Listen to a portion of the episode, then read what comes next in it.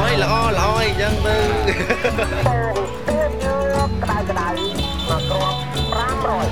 Het is ochtend in het avondland. Een podcast van Chris Janssens. Aflevering 15.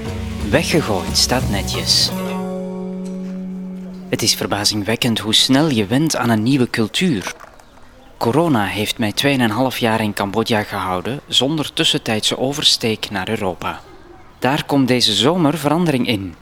Ik ben benieuwd of ik het avondland nog zal herkennen.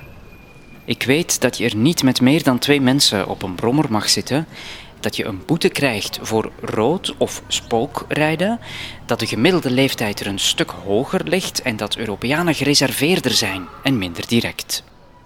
Ik heb hieruit geleerd dat ik overal kan wonen en altijd wel mijn plekje vind zonder te morren. Hoewel, als ik één ding mocht weggooien uit de Cambodjaanse cultuur, is het de afvalverwerking. Of liever het gebrek eraan. Cambodjanen nemen het helaas niet zo nauw met zwerfvuil. Wat ze niet meer nodig hebben, gooien ze achterloos in de berm. Klaar. Het is een mentaliteit die ze geërfd hebben uit de tijd toen ze nog bananenbladeren gebruikten als onderbord en bekers maakten van holle bamboestengels. Die kan je natuurlijk gewoon teruggeven aan de natuur. Maar vandaag doen ze hetzelfde met piepschuim, glas en vooral met plastic. Dat vind je in alle maten en soorten. Bestel je aan een kraampje op straat een thee, dan wordt die in een zakje gegoten, dat je makkelijk aan het stuur van een brommer kan hangen, met een rietje voor als je onderweg al dorst hebt. Een portie meeneemsoep wordt afgemeten in een kommetje en gaat daarna ook in een plastic zak. Er bestaan zelfs kleine schattige exemplaren voor de sausjes die apart verpakt worden. Tel daar nog eens het wegwerpbestek bij, de lepel en de eetstokjes en je begint te begrijpen waarom vuilnis hier zo'n groot probleem is. Zelfs idyllische hoekjes zoals een vijver met lelies of een wandelweg naar het plaatselijke schooltje liggen vol met weggegooide bierblikjes en verpakkingen van rijstschotels. Als het te gortig wordt, steken ze de troep gewoon in brand. Kleine, bij elkaar geveegde hoopjes viezigheid blijven dan urenlang smeulen tot er nog een zwarte brei overblijft. Soms zou ik dit land eens willen afwassen. Als een stapel vuile borden onderdompelen in een heet sopje om aangekoekte etensresten, beschimmelde ketchupvlekken en opgedroogd frituurvet in het smerige water achter te laten en de smetteloze vaat weer op het aanrecht te zetten. We beginnen opnieuw met een schone lei. Een mogelijke verklaring voor de smeerboel is het gebrek aan lange termijn denken. De eerste en vaak enige zorg is of er vandaag eten op tafel komt. Morgen is een andere dag.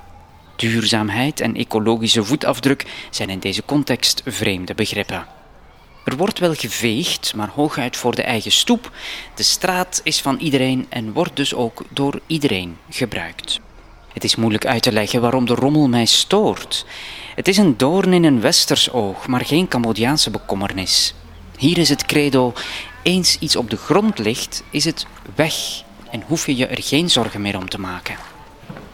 Dit principe werd pijnlijk duidelijk tijdens mijn bezoek aan een dorp met paalwoningen die aan de oevers van het grote Tonle Sapmeer staan. Tenminste toch tijdens het natte seizoen, want als de regen eenmaal ophoudt, komt de grond onder de huizen langzaam droog te liggen. Het laagtij legt het afval bloot dat de gezinnen maandenlang in het water hebben gegooid.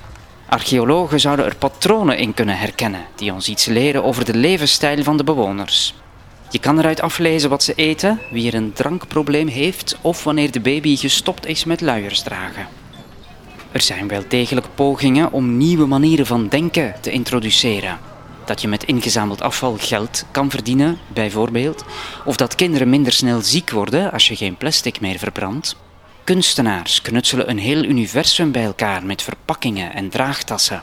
En eens een dorp helemaal is opgeruimd door een enthousiast schoonmaakteam, zien zelfs de grootste wegwerpadepten het verschil. Maar die pintere pioniers en dappere doorzetters zijn dun gezaaid. Er is al vooruitgang geboekt. Sinds een paar jaar rijden er heuse vuilniswagens door de straten. De ophaaljongens hebben gewone slippers aan in plaats van veiligheidsschoenen, dus je hoopt maar dat er niks op hun tenen valt. En ze scheppen de rotzooi met een riek in de laadklep. We staan dus nog ver af van een systeem met aparte zakken en kleurcodes.